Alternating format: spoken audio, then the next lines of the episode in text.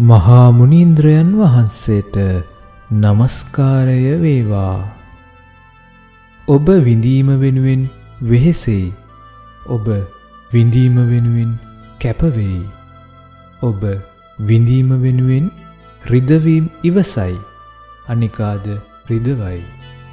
ඔබ විඳීම වෙනුවෙන් ජීවත් වෙයි. නමුත් විඳීමට ඇති ආශාව ඔබව පාලනය කරයි. විඳීමට ඇති ආශාව ඔබට හන කරයි. විඳීමට ඇති ආශාව ඔබේ නිදහස අහිමි කරයි.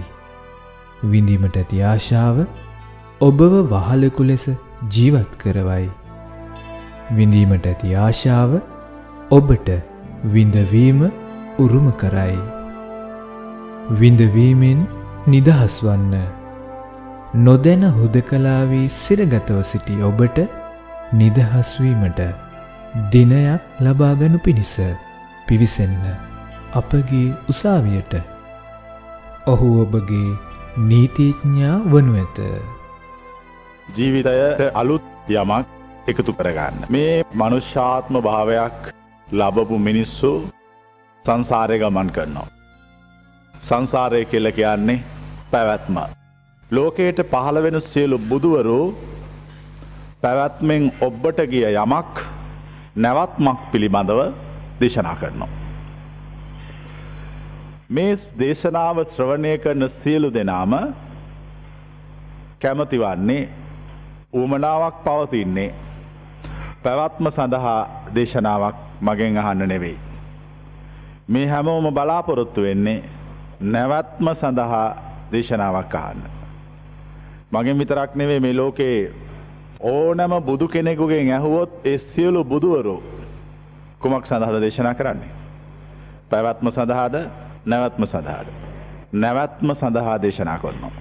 සියලු රහතුන් වහන්සේලා පැවැත්ම සඳහාද නැවත්ම සඳහාද දේශනා කරන්නේ. නැවත්ම සඳහා දේශනා කරනවා. සියලු අවබෝධය ලැබුවන් පැවැත්ම සඳහාද නැවත්ම සඳහාද දේශනා කරන්නේ. නැවත්ම සඳහා දේශනා කරනවා. පැවැත්ම සඳහා දේශනාවල් අමුතුවෙන් අහන්න අවශ්‍යතාවයක් නෑ. ස්වබාදහම විසින් පැවැත්ම පිළිබඳව අපිට උගන්නලා ඉවරයි ඉපදිලා අවුරුදු හතක් අටත් දහයක් වෙනකොට. ස්වබාදහම විසින් අපිට පවතින උගන්නනවා. අපිට ස්වබාදහම විසින් හිතන විදියක් උගන්නනවා. මේ ලෝකෙට මිනිස්සෙක් ඉපදුනාම පුංචි ළමයෙකුට පැවැත්ම පිළිබඳව දහමක්වත් නැවත්ම පිළිබඳව දහමකවත් අවබෝධයක් නැහැ. දෙමව්පියෝ විසින් ඒ ළමයාට උගන්වනවා කුමක් පිළිබඳ දහමද? පැවැත්ම පිළිබඳ දහම. මේ පැවැත්ම පිළිබඳ දහමට බුදුන් වහන්සේ පාවිච්චි කරන වචනයක්. ඒ වචනය තමයි අනාර්ය චින්තනය. එම නැත්තම් අපි ඒකට කියනවා අනාර්ය පරිේෂණය. කියවන මජ්ක්‍ධිම නිකායේ අරිය පරිේෂණ සූත්‍රය. මේ ලෝකේ ජීවත් වෙන හැම කෙනෙක්ම අනාර්ය පරිේෂණය කරනවා. පවතින ක්‍රම හොයනවා. ඒ පවතින ක්‍රම හොයනකොට පවතින ක්‍රම ගවේෂණය කරනකොට පවතිනවා කුමක් සමගද? දුකක් සමග. පවතිනවා දුකත් සමග. දුකෙන්තොර පැවැත්මක් ගැන කතා කරන්න බෑ. කිසිම තැනක පවතින්න බෑ දුකක් නැතුව. දැන් මේ හැමෝම ජීවිතේට මුහුණ දීලා අත්දැකීම් ලබලා ජීවිතයත් එක හැප්පිලා දිනලා හා පැරදිලා. මේ සියලු දේට මුහුණ දීපු අය ඉන්නේ. දැන් මං අහනවා ඔය සියල්ලට මුහුණ දුන්නේ කුමකට ඇති ආශාව නිසාද? මේ සියල්ලට අපි මුහුණ දුන්නේ පැවැත්මට ඇති ආශාව නිසා. දැන් මේ සියල්ලට මුහුණ දෙන්න එතකොට අපිව පෙළඹෙව්වේ කුමක්ද? අපේ ඇතුලාන්තය ක්‍රියාත්මක වන පැවැත්මට ඇති ආශාව. පැවැත්මට ඇති ආශාව නිසා අපි මෙකට පෙළඹුණා. මෙගත් එක හැප්පුණා. මෙගත් එක හැප්පෙනකොට අපිට දැනුනේ මොකද්ද? ඈ දුකක් විඩාවක්. පැවැත්මත් එක්ක කාලයක් තිස්සේ හැප්පෙනකොට දුකක් විඩාවක් දැනෙනවා. ඒ දුක විඩාව නිසා ඊට පස්සේ කල්පනා කරනවා පැවැත්මෙන් එහාට එකක් තියද කියලා. එතකොට තමයි ඔබට නැවත්මක් ගැන හිතන්න ඕන වෙන්නේ. නැත්තම් නැවත්මක් ගැන හිතන්න ඕනද? ඈ? නෑ. අංගුත්තර නිකායේ තිකරිපාතේ සම්බෝධි වර්ගයේ සූත්‍රයක බුදුන් වහන්සේ මෙහෙම දේශනා කරනවා. මහණෙනි මේ ලෞකික ලෝකේ ජීවත් වෙන මිනිස්සු කාමය තුල ආස්වාදයක් ඇති බව දන්නවා. ආස්වාදයක් කාමය තුල ඇද්ද නැද්ද? තියෙනවා. ආස්වාදයක් තියෙන නිසා තමයි මේකට ඇලෙන්නේ. මේකේ ආස්වාදයක් නැත්තම් ඇලෙන්න කාරණයක් හේතුවක් නැහැ. බුදුන් වහන්සේ දේශනා කරනවා මේක තුල ආස්වාදයක් තියෙනවා. මේ ආස්වාදය තියෙන නිසා සත්වයා මේ ආස්වාදයට ඇලෙනවා. මේ ආශ්වාදයට ඇලිලා ඉන්නකොට මොකක්ද දැනෙන්නේ? ඈ? ආශ්වාදය නිසා දුකක් ඇති වෙනවා. ආශ්වාදය නිසා දුකක් ඇති වෙනවා. දැන් එතකොට කල්පනා කරන්න ඇයි දුක ඇති වුනේ? ආශ්වාදයට ඇති කැමැත්ත නිසා, ආශාව නිසා. දැන් එතකොට ආශ්වාදයේ විඳින්න ගියා දුකක් ඇති වුණා. දැන් මොකද්ද අපි හිතන්නේ? දැන් මං කොමාරි මේ දුකෙන් නිදහස් වෙන්න ඕන ගැලවෙන්න ඕන. ඒ නිස්සරණයයි. බුදුරජාණන් වහන්සේ දේශනා කරන අංගුත්තර නිකායේ තික නිපාතේ සම්බෝධි වර්ගයේදී මහණෙනි බුද්ධත්වයට පත් නොවෙච්ච මට ඒකද කියන්නේ අනබි සම්බුද්ධෝ බෝධිසත්වෝ තවම බුද්ධත්වයට පත් නොවෙච්ච බෝධිසත්වයෙක් වෙලා හිටි මට මම ආස්වාදය ගවේෂණය කළා. ඒ කියන්නේ ආස්වාදය ඇද්දයි කියා ආශ්වාදය විඳලා බැලුවා. ආශ්වාදය විඳගෙන යනකොට ඒ ආශ්වාදය තුළ ආදීනවයක් ඇති බවත් මට තේරුණා. ඒ ආශ්වාදය වින්දා ආදීනවය දැක්කා හැබැයි මම ඒ වෙනකොට ගැලවිලා හිටියේ නැති නිසා මම බුද්ධත්වයට පත් වෙලා කියලා ප්‍රතිඥා කළේ නෑ. බුදු වෙලා කියලා ප්‍රතිඥා කළේ නෑ. ආදීනවයෙන් පස්සේ ගැලවෙන ක්‍රමේ හෙව්වා. හොයනකොට හම්බ වුණා. නිස්සරණය ඉවත්වීම. ඒ නිස්සරණය ලැබුණාම දැක්කාම තේරුම් ගත්තාම තේරුණා සිත නිවීමකට සදාකාලික ශාන්තියකට ගැලවීමකට පත්වෙච්ච බව. අන්න ඊට පස්සේ ප්‍රකාශ කළා. බුද්ධත්වයට පත්වෙච්ච බවත් නැවත පුනර්භවයක් ඇති නොවන බවත් තමන් වහන්සේට ලැබුණු චිත්ත විමුක්තිය කිසිම හේතුවක් නිසා චලනය නොවන බවත් කියන ප්‍රකාශය ඉන් අනතුරුවයි කළේ. ඒ වෙනකම් මේ ප්‍රකාශය කළේ ඒ ප්‍රකාශය කළේ නෑ. ඒක තමයි මේ ලෝකේ ස්වභාවය. ආස්වාදය, ආදීනවය, නිස්සරණය. මේ තුනක් මේ ලෝකේ තියෙනවා. මේ මේ මේ මේක මිනිස්සු ගවේෂණය කරනවා. හැබැයි මේක අහුවෙන්නේ ඥානවන්තයෙකුට විතරයි. මෝඩයෙකුට ඥානය නැති අඥානයෙකුට කෙලතොල්ලෙකුට තේරෙන්නේ ආස්වාදයක් පමණයි. ඒ කෙලතොල්ලාත් ඒ අඥානයත් බල්ලත් අතර වෙනසක් තියෙනවද? මට නම් නොපෙනේ. බල්ලෙකුත් මෝඩයෙකුත් අතර වෙනසක් නැහැ. එහෙනම් කවුද මෝඩයෙක් කියන්නේ? ආස්වාදය විඳිනවා ආදීනවයක් ගන්න හිතන්න තරම් ඥානයක් නැති කෙනා. ඔහු සතෙකුට තිරිසනෙකුට සමානයි. ඔහුට ඊට වඩා සමාන කරන්න තවත් එකක් නැහැ. දැකලාද සමාජයේ මිනිස්සු ආස්වාදයේ විඳිනවා ආදීනවයක් ගැන හිතා ගන්න බැරුව. මිනිස්සු මේ මේ ආස්වාදය අවසාන වෙන්නේ නැහැ කියලා හිතන් ඉන්නවා. අංගුත්තර නිකායේ තිකනිපාතේ සම්බෝධි වර්ගයේ සූත්‍රයක බුදුන් වහන්සේ දේශනා කරනවා මේ ලෝකේ දේවල් තුනක් තියෙනවා මේ තුනට අහු වුණොතින් කවදාකවත් ගැලවෙන්න බෑ. හොඳට මතක තියාගන්න. මේ මේ තුන විඳින්න ගියොතින් මේ තුන විඳලා කවදාකවත් ඉවර කරන්න බෑ. කාමාශාව. නිදිමත, නිින්ද. අනිත් එක තමයි ආහාරය සඳහා ඇති ආශාව. මේ තුනට ගියොත් කවුරු හරි මේ තුනට කවුරු හරි වැටුනොත් ඒ වැටිච්ච මිනිහා මොකාටද සමාන? තිරිසනෙකුට සමානයි. ඒ කියන්නේ එතනින් එහා මොකක්වත් ගැන ආස්වාදයට අහු වෙලා තේරෙනවද කියන එක? ආස්වාදයට අහු වෙනවා. ඒ ආස්වාදයට අහු වුණාම කවදාකවත් ආධ්‍යාත්මික ජීවිතයක ඉවක් ඔහුට දැනෙන්නේ නැහැ. ඔය තුනට අසීමාන්තිකව මිනිස්යන් හදලා තියෙන්නේ මේ සබාදහම විසින් ඔබට දාපු චින්තනයට බස්සවල තියෙන ඔය තුනට අහු වෙන විදිහට. ඇයි එම් බස්සවල තියෙන්නේ? ඇයි ඔය තුනට අහු වෙන විදිහට නිර්මාණය වෙලා තියෙන්නේ අපි? පැවැත්ම සඳහා. පැවැත්ම සඳහා. එතකොට කවුරු හරි මේ පැවැත්මෙන් අයින් වෙන්න ඕන නම් පැවැත්මෙන් යාර නිදහස් වෙන්න ඕන නම් එයා යා පිළිබඳව සිහියෙන් සිටින්න ඕන විශාල විශේෂයෙන්. ඔහු අහුවෙන අය ගැන. ඔහුට මුණ දෙන්න වෙන ඔහුට හමු වෙන සතුරන් පිළිබඳව අවදියෙන් සිටිය යුතුයි. කල්පනාකාරී විය යුතුයි. නැත්නම් සතුරන්ට අහු වෙලා විනාශයට පත් වෙලා ඉවර වෙනකම්ම ඔහුට තේරුමක් නැහැ. මොකද ඔහු ආස්වාදය මත ජීවත් වෙන නිසා. මිනිස්සෙක් ආස්වාදයේ විඳින්න ගියාම ඔහු සතුරන්ට අහු වෙනවා කියවලද තේලපත්ත ජාතකේ? ඔය තියෙන්නේ ඔය කතන්දරේ තියෙන්නේ. තේලපත්ත ජාතකයේ කොසල් කුමාරයා යනවනේ රජ වෙන්න. යාළුවෝ පස් දෙනෙකුත් එක්කනේ යන්නේ.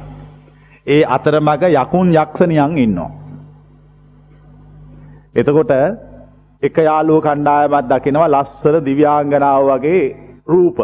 එතකොට ඒගොල්ලෝ කියනවා අපෝ මට නම් මෙතනින් එහාට යන්න බෑ. ඕගොල්ලෝ රජකම ගන්න මම මෙතන නවතිනවා කියලා. ඒ යක්ෂණියන්. ආයෙ ටික දුරක් යනකොට ඇහෙනවා මිහිරි සංගීත නාද. තව එක්කෙනෙක් කියනවා මම මෙතන නවතිනවා කියලා. ඒත් කවුද? යක්ෂණියන්. තව ටිකක් දුරකට යනකොට ඇහෙනවා බොහොම සුවඳ තියෙන තැනක්. තව එයා කියනවා මේ සුවඳ හුඟක් හොඳ සුවඳ මම මෙතන නවතිනවා. මේක මට හොඳයි. තවත් ටිකක් දුරට යනකොට හොඳ කෑම බීම තියලා තියෙනවා තැනක. අනිත් එක්කන කියනවා මේ මොකක් නැතුණක් කවන්නේ මේ කෑම තියෙන්නේ. ඒ නිසා මම මෙතනින් අඩියක්වත් තියන්නේ නැහැ මම මෙතන නවතිනවා කියලා එයාත් නවතිනවා. තවත් ටිකක් දුරක් දැන් දෙන්න ඉන්නේ. තවත් ටිකක් දුර යනකොට බොහොම ලස්සන සැප පහසු ආසන තියෙන තැනක් හම්බ වෙනවා. අරයා කියනෝ නෑ කමක් නෑ රජකම නැති වුණාට මට මේ ටික ඇති කියලා එයා එතන නවතිනවා. කොසල් කුමාරයා මේ එහෙකටවත් අහු වෙන්නේ නෑ. බලන්න ඥානවන්ත භාවයේ ආස්වාදයට ආස්වාදයට අහු වෙන්නේ නෑ.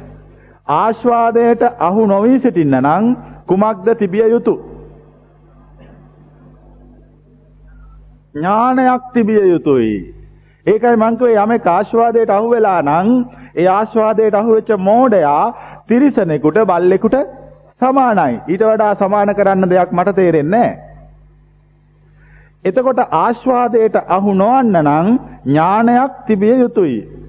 ඥානයක් තියෙන්න නම් ඔහු ඥානවන්ත මිනිසෙක් විය යුතුයි. නැත්නම් කෙලෙසද ඔහු ආස්වාදයෙන් ගැලවෙන්නේ? ඔහු ආස්වාදයෙන් ගැලවෙන්නේ නැහැ. ආස්වාදයටම හිර වෙනව ගිහිල්ලා. ඒකටම බැඳෙනව ගිහිල්ලා. ඒකටම කිඳා බහිනවා. ඒක තුල ජීවත් වෙනවා. දැන් මම ඔබට කියන්නේ ආස්වාදයට හිර වෙන්න එපා කියලා. ජීවිතේ විඳින්න. හැබැයි අල්ලගන්න නැතුව. මං කෙනෙක් තේරෙනවද? අල්ලගන්න යන්න එපා. ඒවට හිර වෙන්න යන්න එපා. ඒවට හිර වුණොත් ජීවිතේ විනාශයටපත් වෙනවා. ආධ්‍යාත්මීය ජීවිතයක් ගොඩනගා ගන්න හම්බෙන්නෙත් නැහැ ලෞකික ජීවිතයක් ගොඩනගා ගන්න හම්බෙන්නෙත් නැහැ කවුරු හරි කෙනෙක් ආස්වාදයට ඉර වුණොත් අහලා තියෙද මහා මන්දාතු රජුරෝ ගැන? චක්‍රවර්ති රජ කෙනෙක්. මහා මන්දාතු රජුරෝ කාමයට බොහොම කැමති කෙනෙක්. ඒ කාමය විඳලම ඉවර කරගන්න මැරුවම මරණයටපත් වෙලා පාය ගියා. චක්‍රවර්ති රජ කෙනෙක්. බලන්න වෙච්ච වැඩක්. චක්‍රවර්ති රජ කෙනෙක්. චක්‍රවර්ති රජ කෙනෙක් කියන්නේ ගා පින් කරපු කෙනෙක් බුදු වෙනෙක් චක්‍රවර්ති රජ කෙනෙක්. අහු වුණා කාමයට. විඳලා ඉවර කරගන්න බැලුවා විඳලා ඉවර කරන්න බෑ. මොකද විශාල වැඩි තියෙන ප්‍රමාණය.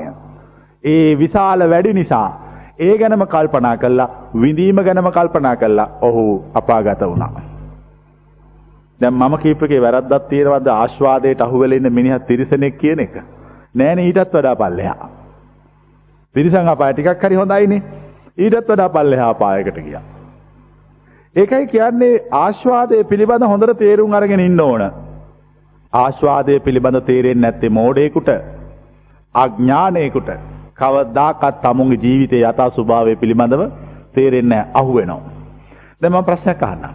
ඇයි මේ ආස්වාදයට අහු වෙන්නේ? ආස්වාදයට ඇති කැමැත්ත නිසා. බලන්න හොඳට කල්පනා කර කරලා බලන්න මේ තමුන් ගැන හිතන්න දැන්. තමුන්ගේ ඇත්තම ස්වභාවය මෙනෙහි කරගෙන යන්න. ආස්වාදයට කැමැත්තක් පවතිනවා.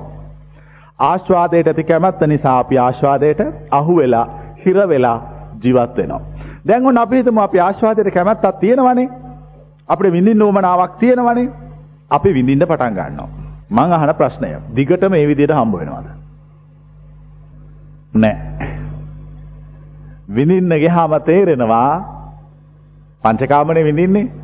විඳින්න ගියාම තේරෙනවා මම මේ හිතන ඒවා මම හිතන පිළිවෙලටම මම හිතන විදියටම මට දිගට මේ විදියටම හම්බ වෙන්නේ නෑ. මෙතන තමයි අපිට ගැලවෙන්න පුළුවන් තැන. මම මේ ගැලවෙන විදිය කියන්නේ. ඇලවෙන විදියටනේ දැන් දේශනාව ඇලවෙන විදිය නෙමෙයි. ගැලවෙන විදිය. ඇලවෙන විදිය අහන්න ඕන නම් මෙච්චර දුර ගෙවාගෙන මෙහෙ එන්න ඕන නෑ. මේ ඇවිල්ලා තියෙන්නේ මොන විදිය හොයන්නද? ගැලවෙන ගැලවෙන විදිය හොයන්න. ගැලවීමකට විමුක්තියටපත් වෙන විදිය හොයන්න නම් ඔන්න ඔතන වැදගත් තැනක්. ආස්වාදය විඳින ගමන් හිතන්න ආස්වාදය තුල ආදීනවයක් ඇති බව. සාමාන්‍යයෙන් ඥානය අඩු කෙනෙක් ආස්වාදයේ විඳින්න ගියාම ඒ ඥානය අඩු කෙනා ආස්වාදයේ විඳිනකොට ඕක හිතන්නේ නැහැ. මං කියන එක පැහැදිලිද? එයා ආස්වාදය ගැන විතරක් හිත හිතා හැබැයි ඥානය වැඩි කෙනෙක් ආස්වාදයේ විඳින්න ගියාම මොකද වෙන්නේ? එයාට ආස්වාදය තුල ආදීනවයක් පේනවා. මං එතකොට ඔබෙන් ප්‍රශ්නයක් අහනවා. එතකොට ඒ පුද්ගලයාට සැබෑ ආස්වාදයක් විඳිය හැකිද? ඔහු ආර්ය පුද්ගලයෙකි. මං කියන එක තේරෙනවද? ඔහු ආර්ය භාවයට පත්වෙච්ච කෙනෙකි. ආස්වාදය විඳිනෝ. ආස්වාදය තුල ආදීනවයක් දකිනෝ. එතකොට ඔහුගේ දැන් ඔහුගේ ආස්වාදයට ආස්වාදයේ විඳින්න නැති කැමැත්ත මොකද්ද වෙන්නේ ටික ටික? අඩු වෙලා යනවා. දැන් හරිනේ? විඳින්න කැමැත්ත අඩු වෙලා යනවා. හැබැයි ආස්වාදය ගැන විතරක් දන්න විඳින්න හැටි විතරක් ඉගෙන ගත්ත මිනිස්සෙකුට ඔය දහම තේරෙනවද? නෑ. හැබැයි එකක් තියෙනවා. දැන් සමහර මිනිස්සුනේ මිනිස්සු දන්නේ මේ ලෝකෙ විඳින්න විතරයි ඇතින් කනින් නාසයෙන් දිවෙන් ශරීරයෙන් මේ පහෙන් අරමුණු අරගෙන විඳ විඳ ඉන්නවා. හැබැයි ඒගොල්ලෝ හිතන දේවල් කවදාකවත් ඒගොල්ලන්ට ලැබෙන්නේ නැහැ. ලැබෙන්නේ නැහැ. අචින්ති තම්පි භවති චින්ති තම්පි විනස්සති. සිතුවක් නොසිදුවේ. නොසිතුවක්ම නොසිතුවක්ම සිදුවේ. වෙලා නැද්ද ජීවිතේ ඔක? දැන් එනං සිතුවක් නොසිදුවේයි නං නොසිතුවක්ම සිදුවෙයි නම් මම අහන්නේ කුමටද සිතන්නේ කියා. සිතන එක අත්හැරලා දානවා. මොකද සිතලා වැඩක් නැහැ. අන්තිමට වෙන්නේ වෙන්න ඕන එක. කොච්චර දැඟලුවත් කොච්චර උත්සාහ ගත්තත් සිදුවේය සිදුවන්නේ සිදුවිය යුත්ත මිසක් අපිට ඕන එක නෙවෙයි. හොඳට මතක තියාගන්නවා මේ විඳින එකෙන් ගැලවෙන හැටි. මේක හොඳට මතක තියාගන්න මේ දේශනාව. විඳින එකෙන් ගැලවෙන විදිය. මේක හරි ප්‍රායෝගිකයි. හරිම ප්‍රැක්ටිකල් හරි ප්‍රායෝගික දහමක් නෙමේ දේශනාව. හැබැයි එතකොට මේ කියන ඒවා හොඳට මොකද කරගන්න ඕන? හොඳට ග්‍රහණය කරගන්න ඕන. මේ කියන ඒවා අමුතුවෙන් මතක තියාගන්න තියද? මුකුත් මේ කිසිම දේශනාවක අමුතුවෙන් මතක තියාගන්න මොකක්වත් නැහැ. මොකද මේ කියන්නේ කවුරු ගැනද? ඔය ඔය තම තමන් ගැනම තමයි. තම තමන්ගේ ජීවිතය ගැනයි මේ හාර උස්සන්නේ. තම තමන් ජීවිතයේ මුහුණ දීපු අත්දැකීම් ගැනයි මේ විශ්ලේෂණය කරන්නේ.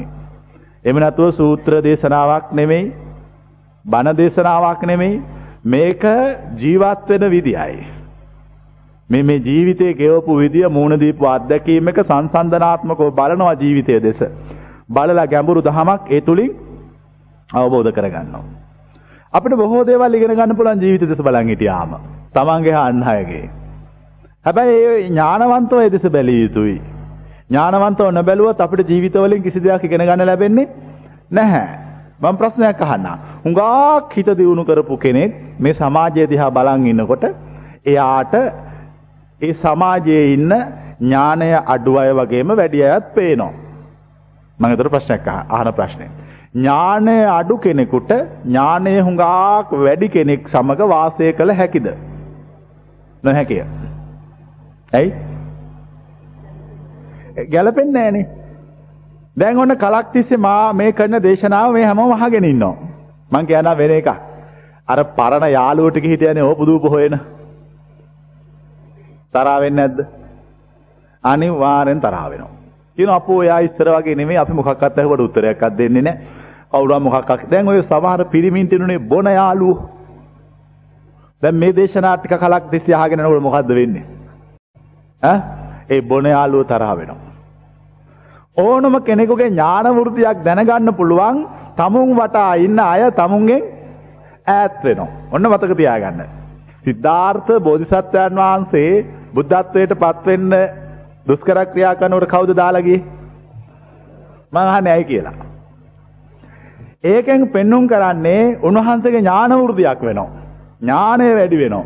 ඥානය වැඩි වෙනකොට අර ආශ්‍රය කරන අය ගැලපෙන්නේ නෑ.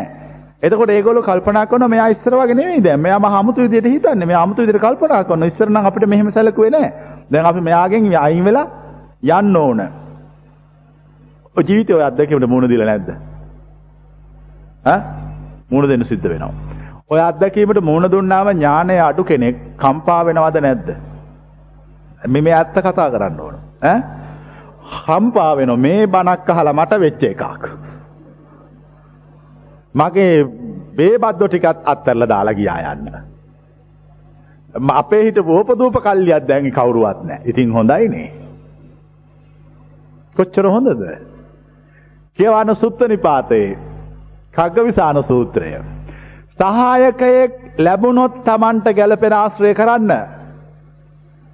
සහායකයෙක් නොලැබුණොත් ඔබට හුදකලාව ජීවත් වන්න. නරක දේ දහම. ඈ? ඒ දහම හුඟක් හොඳයි හොඳ දහමක් නේ. සහාය සම්පත්තිය හොඳයි. හැබැයි සහායකයෙක් ලැබිය යුත්තේ ඔබට ගැළපෙන කෙනෙක් පමණයි. ඔබට නොගැලපෙන සහායකයෙක් ලැබුණොත් ඒ නොගැලපෙන සහායකයා නිසා ඔබේ ආධ්‍යාත්මීය ගුණ ඔබට අහිමි වෙන්න පුළුවන්. ඔබේ දියුණු කරගත්ත හිත ඔබට නැති වෙන්න පුළුවන්. හැම තිස්සෙම ඔබ ආරක්ෂා කළ යුතුයේ සහායකයන්, මිත්‍රයන්, අසල්වැසියන්, යාළුවන් නොව ඔබේ සිතයි. හැම මොහොතෙම ආරක්ෂා කරන්න ඕන මොකද්ද? කොච්චර යාළුවෝ, මිත්‍රයෝ, සහායකයෝ, අසල්වැසියෝ හිටියත් ඒ සියලු දෙනාම යම් මොහොතක ඔබව දමා යනු ඇත. හෝ ඔබට යම් මොහොතක ඔවුන් දමා යන්න සිදුවනු ඇත. කොයි මොහොතද? අවසාන මොහොත. ඒත් ඔබ වර්ධනය කරගත්තු සිත ඔබ පුරුදු කරගත්ත සිත කාත් එක්කද යන්නේ? අපිත් එක්ක යයි. දැන් අපි වැඩි වටිනකමක් දිය යුත්තේ කාටද? දැන් කල්පනා කරලා බලන්න හොඳට.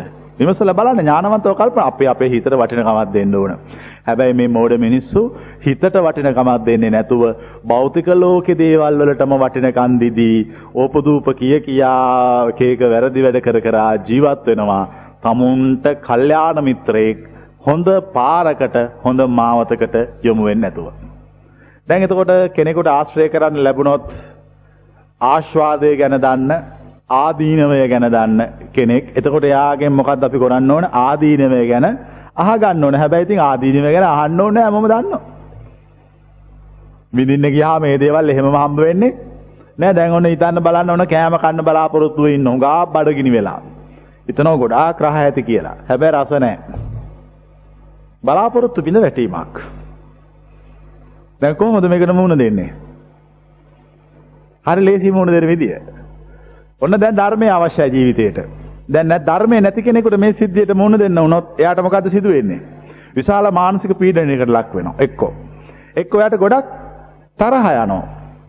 ඒතකොට කල්පනා කළ යුතුයි එක දෙයක්. ඇයි මා මෙලෙස බලාපොරොත්තු වන්නේ? බලාපොරොත්තු නොවේ ඉන්නවා. මතක තියාගන්න ජීවිතය තුළ බුදුදහමේ බාධාවක් නැහැ ආස්වාදයේ විඳින්න. අනික ආස්වාදයේ නොවින්ද මිනිහෙක් ආදීනවයක් ගැන දැනගන්නේ කොහොමද? මජ්ක්‍ධිම නිකායේ ඉන්ද්‍රිය භාවනා සූත්‍රය කියවන්නේ. ඉන්ද්‍රිය භාවනා සූත්‍රය ඉතාම පැහැදිලිව මේ දේශනාව කරලා තියෙනවා. අපි ඇසින් රූප බලනවා. රූප දෙස බලාගෙන සිටිනවා. රූප හොඳ නම් අපි ඒව හොඳයි කියලාත් කියනවා. ඒවට ප්‍රශංසා කරනවා. ඒව ලස්සන නම් ඒවයි ලස්සන බවත් අපි කියනවා. අපි ඒ ලස්සන විඳිනවා. හැබැයි ඒ ලස්සන ආශාවෙන් තවදුරටත් ප්‍රාර්ථනා කරමින් බලාපොරොත්තු වෙලා හිතේ චිත්‍රයක් තියාගෙන යන්නේ නැහැ. ඇයි දුක ඇති වෙන නිසා. පැහැදිලිද කියන එක? විඳිනවා අල්ලගන්නේ නැහැ. විඳිනවා අල්ලගන්නේ නැහැ. ඇසින් රූප බලන්න බුදුදහමේ කිසිම බාධාවක් නැහැ. බුදුන් වහන්සේගේ දේශනාව ඉතාම පැහැදිලිව තියෙනවා අංගුත්තර නිකායතික නිපාතේ සම්බෝධි වර්ගයේ සූත්‍රවල. මේ ලෝකේ කාමයේ තුල ආස්වාදයක් තියෙන නිසා තමයි කාමයට මිනිස්සු ඇලෙන්නේ. ඉතින් හරිනේ ඒක. හැබැයි ආස්වාදයක් විතරක් නෙවෙයි ඒක තුල තියෙන්නේ. ඒක තුල ආදීනවයක් තියෙනවා. ආදීනවයක් තියෙනවා. ආදීනවය කල්පනා කරන ආදීනවය කියන්නේ අපි එහි තියෙන නරක පැත්ත අපි හිතන විදිහටම වෙන්නේ හිතන විදිහටම වෙන්නේ නැහැ. ඒකයි ආදීනවය. එතකොට යමක් අපි විඳින්න ගියා බලාපොරොත්තුවෙන් ගියා අපි ඒක හිතන විදිහටම උනේ නැහැ කියලා අපි දැන් කල්පනා කරනවා. අපි හිතන විදිහටම වෙන්නේ නැහැ. හිතන විදිහට වෙන්නේ නැති නිසා අපි මෙතනින් අයින් විය යුතුයි. ඒ කියන්නේ කොතනින්ද අයින් වෙන්න ඕන? විඳින එකෙන්ද නැද්ද? විඳින එකෙන් අයින් වෙලා වැඩක් නැහැ. ඒ විඳින්න ගියාම දැනෙන මනෝභාවයක් තියෙනවනේ. විඳින්න ඕන, රස විඳින්න ඕන කියලා එක ඇලීමක් තියෙන. අන්නේ ඇලීමෙන් අයින් වෙන්න ඕන. ඒටති ආශාවෙන්, ඒටති කැමැත්තෙන්, ඒටති බලාපොරොත්තුවෙන් අයින් වෙනවා. ඊට පස්සේ විඳිනවා. දැන් අපි තේ එකක් බොන්න ගියා. මම මම උපමාවක් කියන්නම්. තේ එකක් බොන්න කියලා අපි තේ එකක් හදන අපි තේ එක විඳින්න යනවා. ඊට පස්සේ තේ එක විඳින්න ගියාම බලන්න මේ දුක ඇති වෙන විදිය. අපි හදපු තේ එකට සීනි වැඩි වුණා. තේ කොළ මදි වෙලා. දැන් විඳින්න පුළුවන්ද? ඈ? බෑනේ. ඇයි බැරි? බලාපොරොත්තුවක් තිබ්බා. තේ එකක් විඳින්න ඕනේ කියලා. නමුත් ඒ බලාපොරොත්තු වෙච්ච විදිහට ඒ තේ එක ඒ විදිහටම ආවේ නෑ දැන් බලන්න අන්තිමට ඇති වෙන්නේ මොකද්ද? දුකක් ඇති වෙනවා. අපරාධනේ මෙච්චර හොඳ තේ එක බලන තේ එකක් බොන්න ඕනේ නෑ මේක සීනිත් වැඩි තේ කොලක් නෑ. ඊට පස්සේ අපි ඊළඟ දවසේ තේ එකක් බොන්න යනවා. එතකොට අපි තේ එක විඳීම පිළිබඳව අදහසක් අපිට අපි අයින් කළා දාලා යනවා. අපි ගිල තේ එකක් හදනවා. එදා සීනි වැඩි තේ කොළ නෑ. රසද නැද්ද? එදා රසයි. මම අහන්නේ මේ හරි අමුතුයිනේ මේක. හරි අමුතුයි.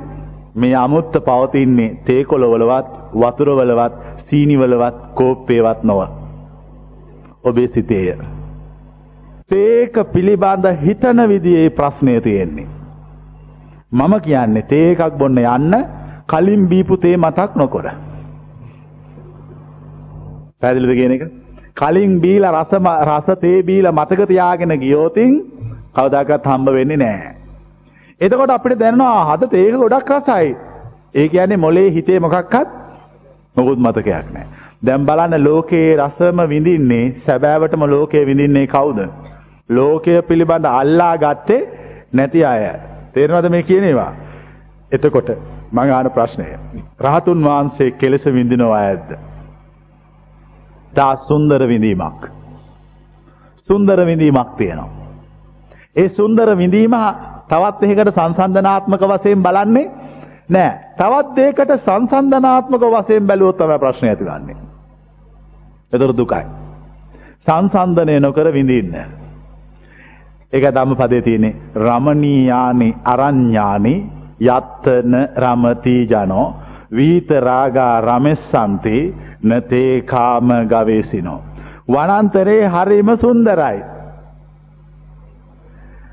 හැබැයි වනාන්තරය සුන්දර වන්නේ කාමය ගවේෂණය කරන්නෙකුට නම් නෙවෙයි විතරාගී බව ගවේෂණය කරන්නෙකුට කාමෙන් ගැලවෙන විදිය ගැන හිතන්නෙකුට වනන්තරේ හරිම රමණීයයි.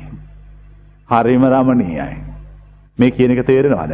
එතකොට යමක රමණීය භාවය තීරණය වන්නේ ඔහු සිතන පිළිවෙල අනුව. දැන් අපි මෙතන උණ පඳුරක් තියෙනවා. අපි මේ උණ පඳුර පෙන්නනවා රහතෙකුට. ඔහු මේක දිහා බලලා මොකද්ද කියන්නේ? හරිම රමණීයයි. ඔහු රමණීයයි කියන්නේ ඇයි? ඔහු සංසන්දනය කරන්න යන්නේ? සංසන්දනය කරන්න යන්නේ නැහැ. ඒ වෙලෙට දැක්ක ආරමණීයයි ලස්සනයි. කිසි ප්‍රශ්නයක් නැහැ. දැන් අපි වෙන ගවේෂණය කරන්නෙකුට එක එක දේවල් ගැන හොයන් යන කෙනෙකුට මේ උණ පඳුර පෙන්නනවා. පෙන්වහම මොකක්ද එයා කියන්නේ? ලස්සනයි ඒ වුණාට මම ඊට වඩා ඒවා දැකලා තියෙනවා.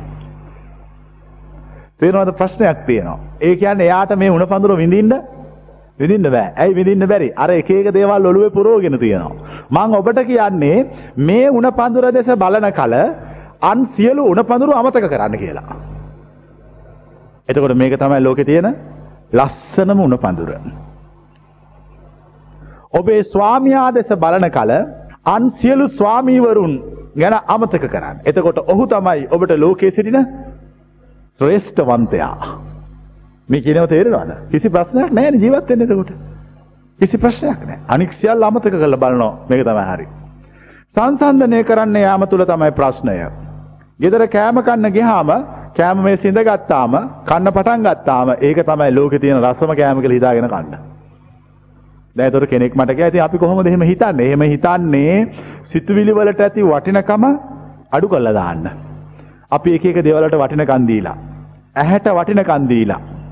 ඇහැට වටිනකම් දීපු දීලා කියන එක මම ඔප්පු කරන්නම්. වටිනකම් දීලා කියලා ඇහැට කියන්නේ හැමතිස්සෙම ඇහැ බලන්නේ tamunට වටිනකමක් හදාගන්න. ඔබ බලන්නේ කුමක් හදාගන්නද? ඔබට වටිනකමක් හදාගන්න.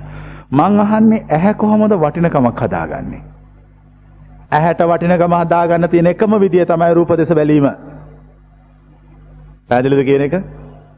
ඇහැට ඇති වටිනකම තමයි රූප දෙස බැලීම. එතකොට ඇහැ හැමතිස්සෙම අපිට කියනවා බලපන් රූප දෙස. රූප දෙස නොබලා හිටියොත් ඇහැට ඇති වටිනකම නැති වෙනවා. දැන් තේරෙන්නේ නැද්ද ඇහැ නිසා අහු වෙලා කියලා? ඇහැ නිසා අහු වෙලා. මොකද කොහොමද අහු වෙලා තියෙන්නේ? ඇහැ කියනවා හැමතිස්සෙම රූප බලන්න කියලා. ඇයි ඒ ඇහැට වටිනකමක් ඇහැ හදාගන්න බලනවා. කන කියනවා හැමතිස්සෙම ශබ්ද අහන්න කියලා. කන වටිනකමක් හදාගන්න බලනවා. අපිට ශබ්ද අසවලා. නාසය කියනවා ගඳ සුවඳ හැමතිස්සෙම ගන්නේ කියලා. දිව කියනවා රස බලන්නේ කියලා. ශරීරය කියනවා ස්පර්ශය විඳින්න කියලා. මනස කියනවා සිතුවිලි ජනිත කරවන්න කියලා. ඔය හය පලෙන් ඔබ අහුවෙලා ඉන්නේ. බුදුන් වහන්සේ ළඟට පැමිණි භික්ෂුවක් බුදුන් වහන්සේගෙන් අහනවා ස්වාමීනි ලෝකය යනු කුමක්දයි කියා. මොකක්ද දෙන උත්තරේ? මානස කන නාසය දිව ශරීරය හා මනස ලෝකයයි. එච්චරයි. ඇසට දීපු වටිනකම අයින් කළා දාන්න. ඉවත් කළා දාන්න. ඔය සූත්‍රය තියෙන අංගුත්තරණේක අනුරුද්ධ මනාපකායක සූත්‍රය. දවසක් අනුරුද්ධ මහරහතුන් වහන්සේ ළඟට ලස්සන දිව්‍යාංගනාව ටිකක් කියලා නටන්න පටන් ගත්තා. නටලිවල එක සැරේට මේගොල්ලෝ පාට වෙනස් කළා. රතු පාට වෙනවා, කහ පාට වෙනවා, ඇඳුම් ඔක්කොම මාරු කරන පාටවත්. නටාගෙන නටාගෙන ගියාම රහතෙක් යනු රූපය නිසා ඇති වටිනකම ඉවත් කළ කෙනෙක්. ඔහු ඇසට වටිනකම් දෙන්නේ නෑ. මොකද ඇසට වටිනකම් දුන්නොත් ඇස නිසා හිත සිතුවිලි ජනිත වෙනවා. කන නිසා සිතුවිලි ජනිත වෙනවා. අනුරුද්ධ මහරහතුන් වහන්සේ මොකද්ද කළේ? ඇස් යටිකුරු කළා. මොකද්ද ඇස් යටිකුරු කළා කියන්නේ? ඈ? බිම්බල්. බිම්බල්වාම මේ මනාපකායික දේවතාවෝ හිතුවා අනුරුද්ධ මහරහතන් වහන්සේ ඇස් යටිකුරු කළා. දැන් අපි නටල වැඩක් නැහැ. අපි යමු කියලා අතුරු දහන්න උනා. පැහැදිලිනේ කියන එක? ඒ නිසා මතක තියාගන්න රහතෙක් යනු ඇසට වටිනාකම් නොදී පවතින්නේ. රූප බල බල විඳින්න යන්නේ නැහැ මොකද විඳලා ඉවර කරන්න බෑ. දැන් අපි කියවනේ ඉවර කරන්න බැරි දේවල් මේ ලෝකේ තියෙනවා කියලා විඳලා ඉවර කරන්න බැරි නිසා අත්හරිනවා. දැන් මේ අත්හරින්නේ මේ හැමෝම අල්ලගෙන ඉන්න අමාරු නිසා. පැහැදිලිද කියන්නේ? නැත්තම් මොකටද අත්හරින්නේ? අල්ලගෙන හිටියා ඉවරනේ. දැන් අපි කාට හරි මේ බංකෝ දෙනවා අල්ලගෙන ඉන්න කියලා. මොකෝ ටික වෙලාවක් අල්ලගෙනකොට මොකද්ද වෙන්නේ? මේක හරි බාරයි. සාමාන්‍යයෙන් මේ කිලෝ කීයක් විතර බාර ඇති කියලා හිතනවද? ඈ? ඔව් කිලෝ පහක් අපි හිතමු. නමුත් මම මේ කාට හරි කියනවා දවසක්ම අල්ලගෙන කියලා. ඒකට බර කීයද කිලෝ? ටොන් දානකට වැඩිය බරයි. දැන් මං අහන්නේ ප්‍රශ්නයක් මං අහනවා. මේ බර කියන එක ඇත්තටම පැවතිලා තියෙන්නේ කොහෙද? සිත තුළයි. බර කියන එක ඇත්තටම පැවතිලා තියෙන්නේ සිත තුළයි. දැන් පැහැදිලිද මේ කියන ඒවා? මම තව ප්‍රශ්නයක් අහන්නම්. ගුරුත්වාකර්ෂණය ඇත්තටම පවතින්නේ කොහිද? සිත තුළයි. සිත තුළයි මේ සියල්ල පවතින්නේ. මිනිසුන්ගේ මානසික මට්ටම් වෙනස් වුනහම අවකාශයේ තැන් වෙනස් වුනහම එය තැනින් තැනට වෙනස් වෙන්න පුළුවන්. මේ කනප්පේ කිලෝ 5ක් බරයි. මේ කනප්පේ කිලෝ 5ක් බර මේක අතට ගත්තු ගමන් නමුත් මේක දවසක් අතේ තියාගෙන ඉන්නකොට මේකේ බර ටොන් ගාණක් වගේ අපිට දැනෙනවා. ඒ අපිට දැනෙන්නේ හිතේ ඇති වෙන විඩාවකුත් එක්ක. එතකොට බර වැඩි වෙන්න හිතේ විඩාව කෙලින්ම බලපානවා. දැන් බලන්නකො මේ හිත ඔබව රවට්ටනවානේ. හිත රවට්ටනවා. ඒ කියන්නේ මේ ඇත්ත බර නෙමෙයි හිත කියන්නේ වෙන බරක් කියනවා. දැන් එතකොට තේරෙන්නේ නැද්ද අපි මේ සංසාරේ අපිට දුවන්න වෙන්නේ අපි හිත මොකක් කරගත්තු නිසාද? හිත හිත රවට්ට ගත්ත නිසා. හිත රවට්ටගෙන තියෙනවා. හිත රවට්ටනවා තැන් හයකින්. ඇසින් හිත රවට්ටනවා. කන නාසය දිව ශරීරය හිතෙනොත් හිත රවට්ටනවා. මේ තැන් හයෙන් රවට්ටන නිසා අපි මේ සංසාරේ දුවනවා. දැන් මං කියන්නේ මේ රවට්ටන තැන් වලින් ගැලවෙන විදිය. කොහොමද ගැලවෙන්නේ? හරි ලේසි ගැලවෙන්න. මේවට ඇති වටිනකම අත්තරලා දානවා.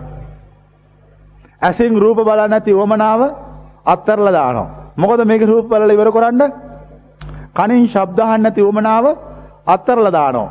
නාසයෙන් ගඳ සුවඳ ගන්න නැති උමනාව අත්තරලා දානවා. දිවෙන් රස ගන්න නැති උමනාව අත්තරලා දානවා. අත්තරලා දාන්න කලින් අරගෙන තියෙන්න ඕන.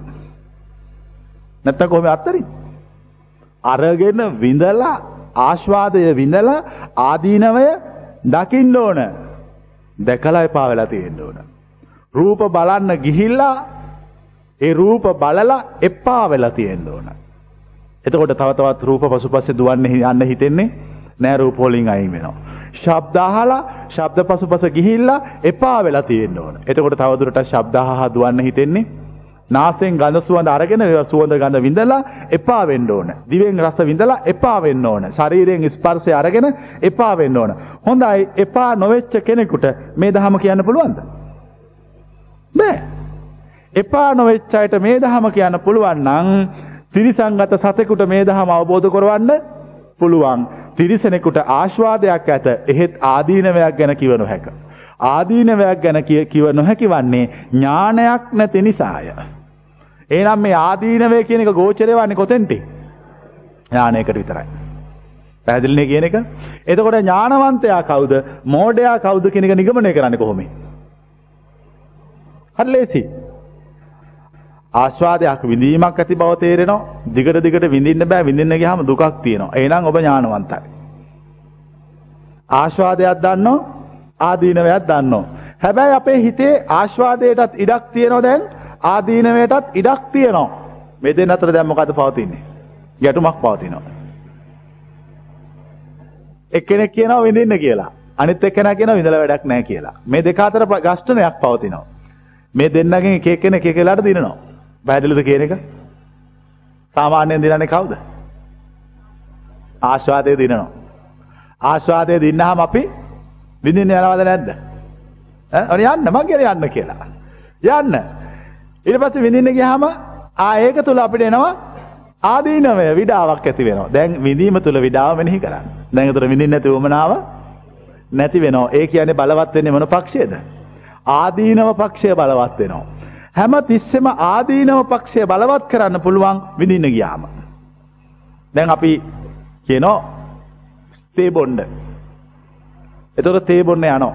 සීනි රස නැහැ, තේ රස නැහැ, තේ කොලත් නැහැ. දැන් අපිට තේරෙනවා මොකටද මේ තේ එකක් විඳින්න ගියේ? තේ එකක් විඳින්න ගිය නිසා නෙමේ දුකක් ඇතිවන්නේ. ආස්වාදය තුල ආදීනවයක් පවතිනවා. ආදීනවයක් පවතිනවා. ආදීනවය දැනුණහම තමයි එතනින් ගැලවෙන්න උවමනාව ඇතිවන්නේ. මම අහන ප්‍රශ්නය කිසිමක් විඳින්න නැති කෙනෙක් කොහොමද ගැලවෙන්නේ කියලා. කිසි දෙයක් විඳින්න නැති කෙනෙක් ඉන්නනේ. ඇසින් රූප විඳින්නේ කනින් ශබ්ද අහන්නේ නාසයෙන් ගඳ සුවඳ ගන්න දිවෙන් රස ගන්න ශරීරයෙන් ස්පර්ශ ගන්න නැති සිතෙන් සිතුවිලි ගන්න නැති මිනිස්සෙක් කොහොමද සංසාරයෙන් ගැලවෙන්නේ කියලා. සංසාරය යනු විඳීමනේ විඳලා තියෙන්න ඕන. විඳලා දැකලා බලලා එපා වෙලා කලකිරෙන්න ඕන. එතකොටනේ අත්හැරලා යන්නේ. සිද්ධාර්ථ බෝධිසත්වයන් වහන්සේ ගියේ මොකක්ද දැකලාද? අර නලගණන්ගේ විප්‍රකාර දැකලා. තේරෙනවද කියන එක? එපා වුණා. කලකිරුණා. එහි තේරුමක් නැති බව සාක්ෂාත් වුණා. එතකොට තේරුමක් නැති බව සාක්ෂාත් වුණාන් පස්සේ ආ එතෙන්ට යනවද? අත්තරිනවා. ඒ තේරුමක් නැති බව උන්වහන්සේ සාක්ෂාත් කරගන්න කලින් උන්වහන්සේ ඒ ඒ නාටිකාංගනාවන්ගේ නැටුම් බැලුවේ නැද්ද? ඒ ගායිකාවන්ගේ සින්දු ඇහුවෙත් නැද්ද? ඇහුවා.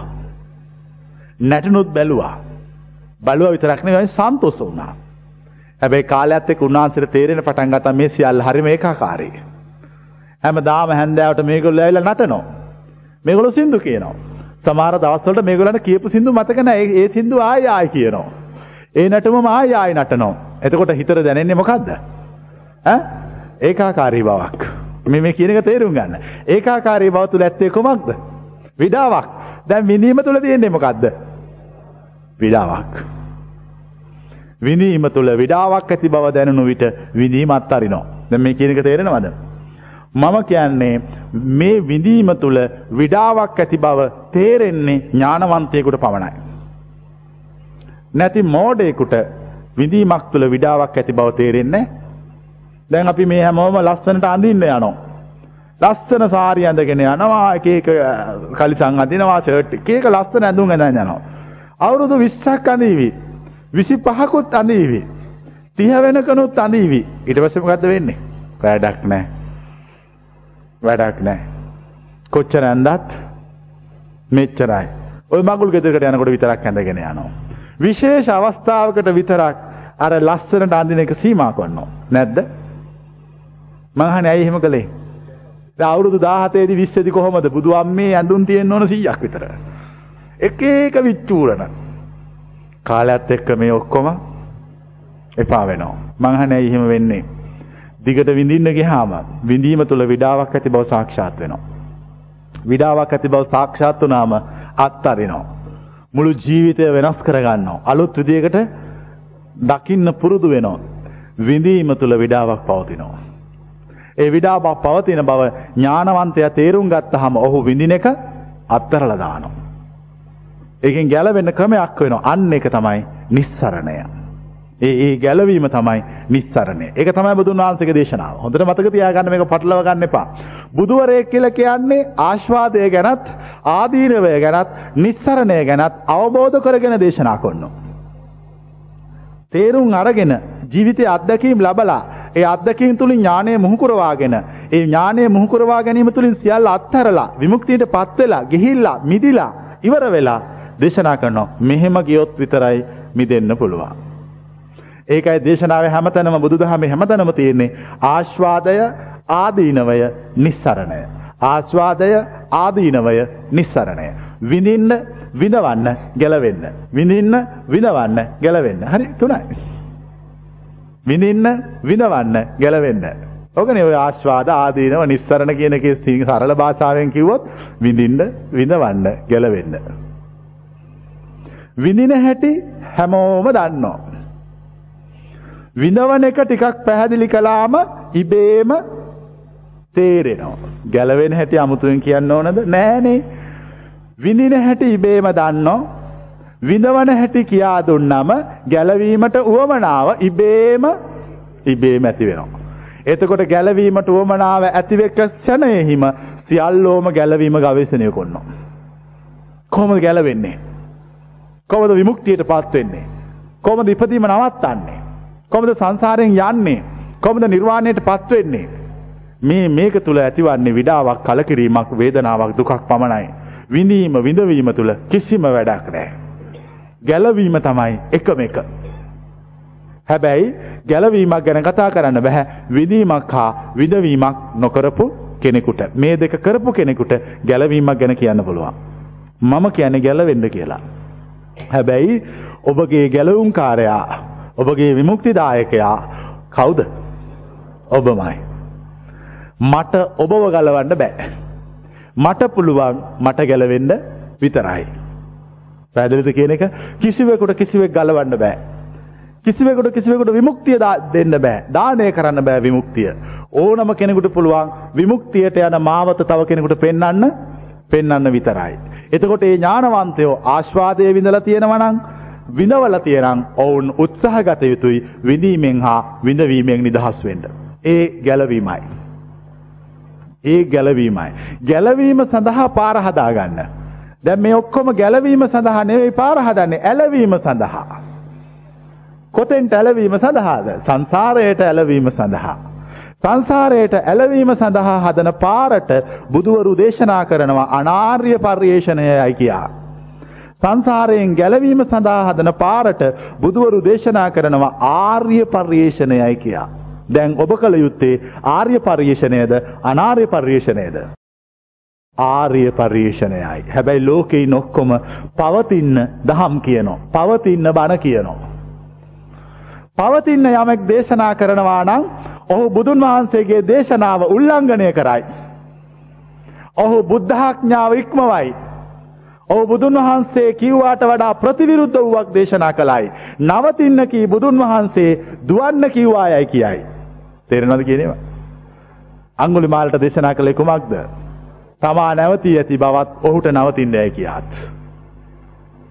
තමන් වහන්සේ නැවතුණු බවත් ඔහුට නවතින්ඩයි කියා. කුමක්ද කියන්න.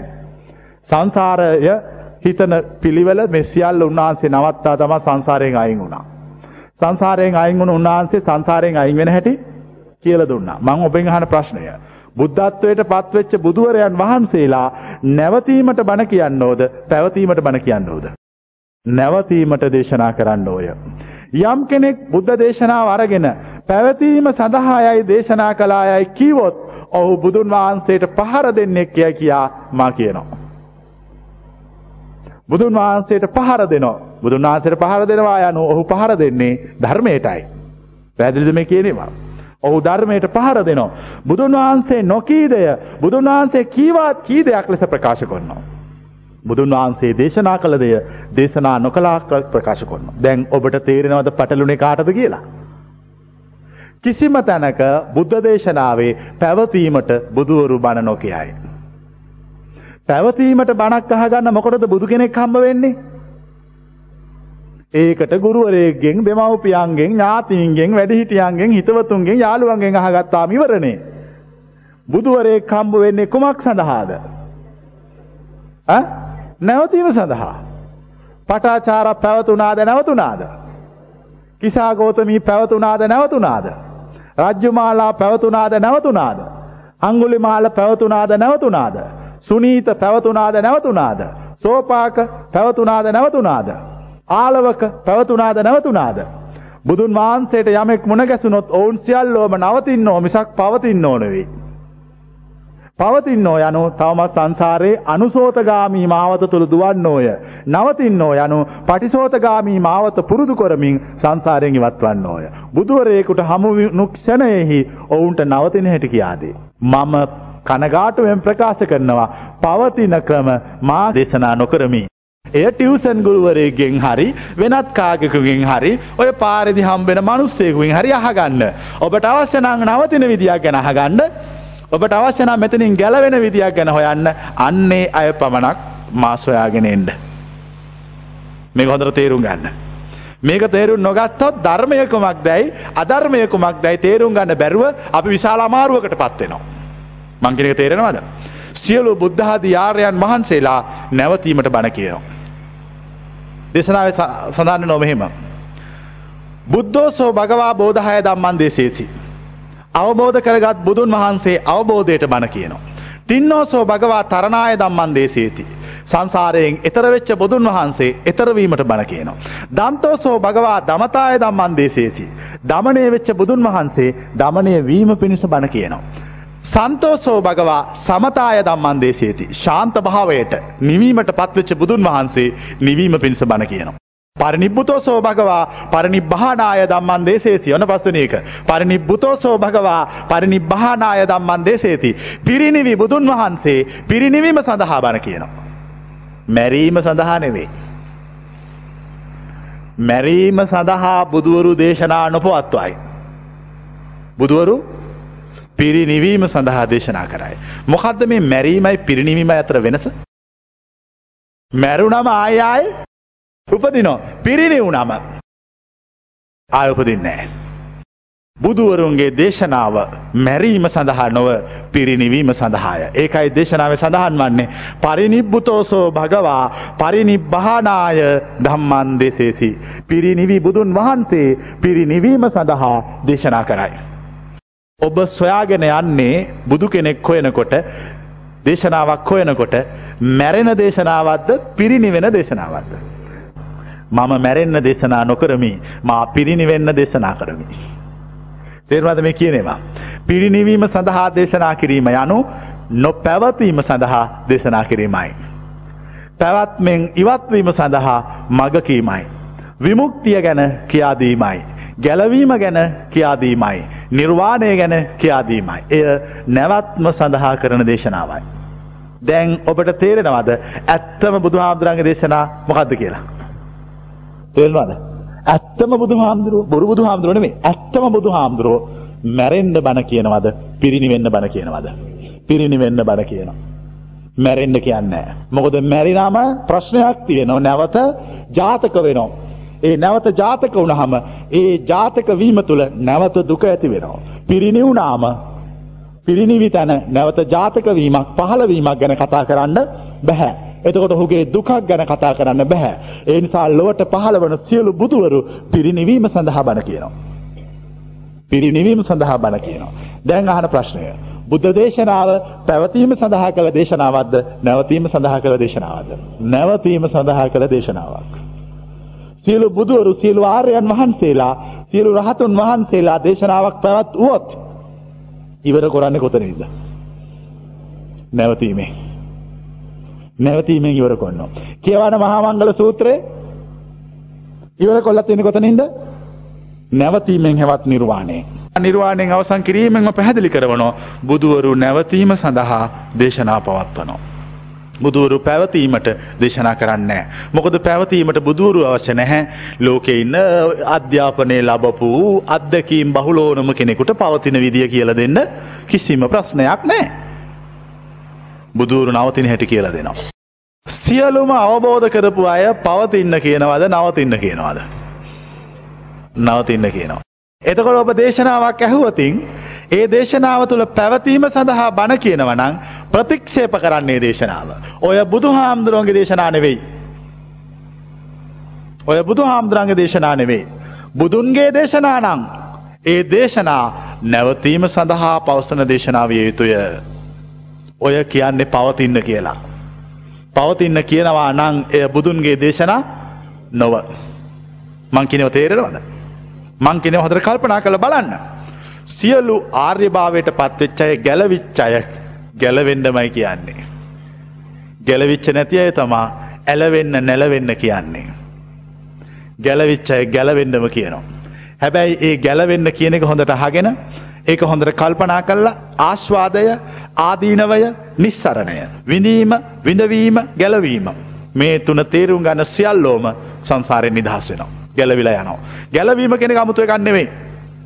අපි මේ නිර්වාණය කල්දාලා තියනවා. ඇයි අපි යමක් කල්දාන්නේ අමාරු හරි බරයි. මේක හොරන්න බෑ. නෑහෙම එකක් නෑ.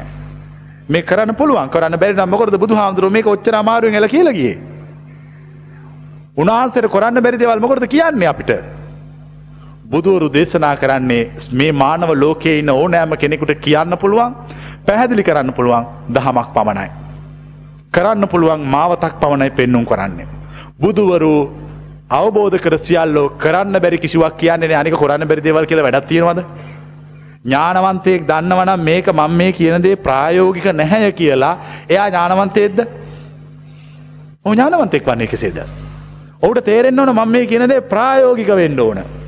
ප්‍රායෝගික නුවමක් දේශනා කිරීමෙන් ඇති ඵලයකිම ප්‍රායෝගික නුවමක් දේශනා කරයිද ඥානවන්තයෙක් නොකරයි. දේශනා කොල්ලා වැඩක් නෑ. දැන් ඔබට බුදුන් වහන්සේගේ දේශන අඳුරගන්න පුළුවන්ද. හරි ලේසි. මොකක්ද අපි කල්පනා කරන්න එක දෙයයි. නැවතින්ට කියනවද පවතින්ට කියනවද. අංගුලිමාල සූත්‍රය මෙනෙහි කරන මජ්්‍යම නිකායේ. අංගුල්මාට කිව මොකක් කියලද. නවතින්ට කිව්වා. පටාචාරාවට නැගනිය සිහියෙන් සිටින්න. ඒ කියනෙත් මොකක්ද. සිහියෙන් ඉන්න නවතින්න සියෙන් ඉන්න කල්පනාවෙන් ඉන්න. සිහියට පත්වෙච්ච ගමන් අරමුණු මොකක්ද වෙන්නේ. අඩු වෙනවා. බලන්න මේ හැමතැනම මේ දේශනාව කරනවා. කළ නවත්වනු මිනිස්සු. මිනිස්සුගේ සංසාර ගමන නවත්තනෝ. සංසාර ගමන නවත්ත ගන්න උපදෙස් දෙනවා. උපදෙස් දුන්නා මේ උපදෙස් සහල ඥානය තියෙන මිනිස්සු සංසාර ගමන නවත්තනවා. නවත්තල මේකින් ගැලවෙන ගැලවෙල සංසාරි මුක්තියට පත්වෙනවා ලෝකයට පහලන සියලු බුදුවරු හා ආර්යන් වහන්සේලා නැවතීම සඳහා දේශනා කොන්නවා. ඒ දේශනා වහන ඥානවන්තයා තේරුම් ගත යුතුයි මෙය බුදුන් වහන්සේගේ දේශනාවක්ද මෙය නොබුදුන්ගේ දේශනාවක් දැ කියා. බුදුන් හා නොබුදුන් දෙගොල්ලොම දේශනා කොන්නවා. පැදිලිද කියන එක.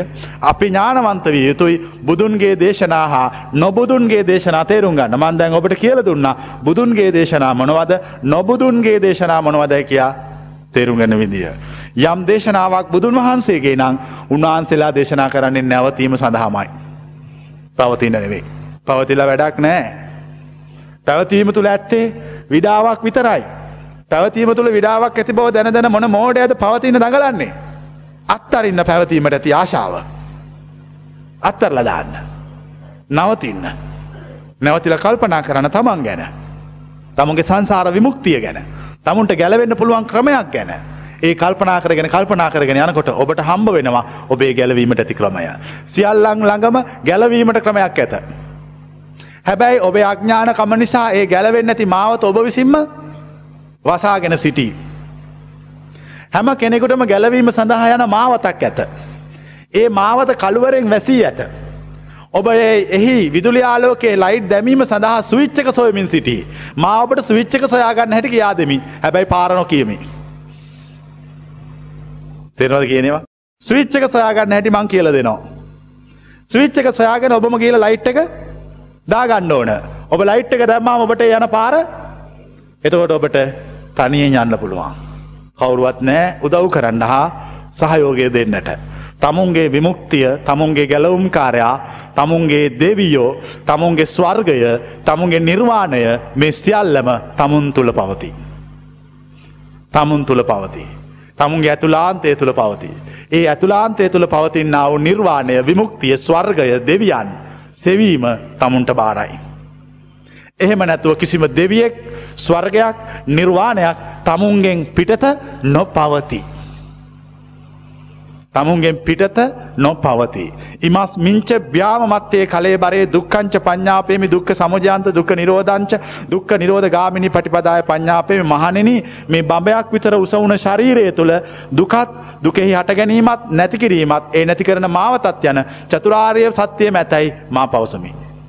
ඔක්කොම තිවිල දින කාළඟට මාළඟයි. බලනති මාළඟ තියෙන දෙයක් සොය සොය මාදගලපු දැඟලිල්ලක්.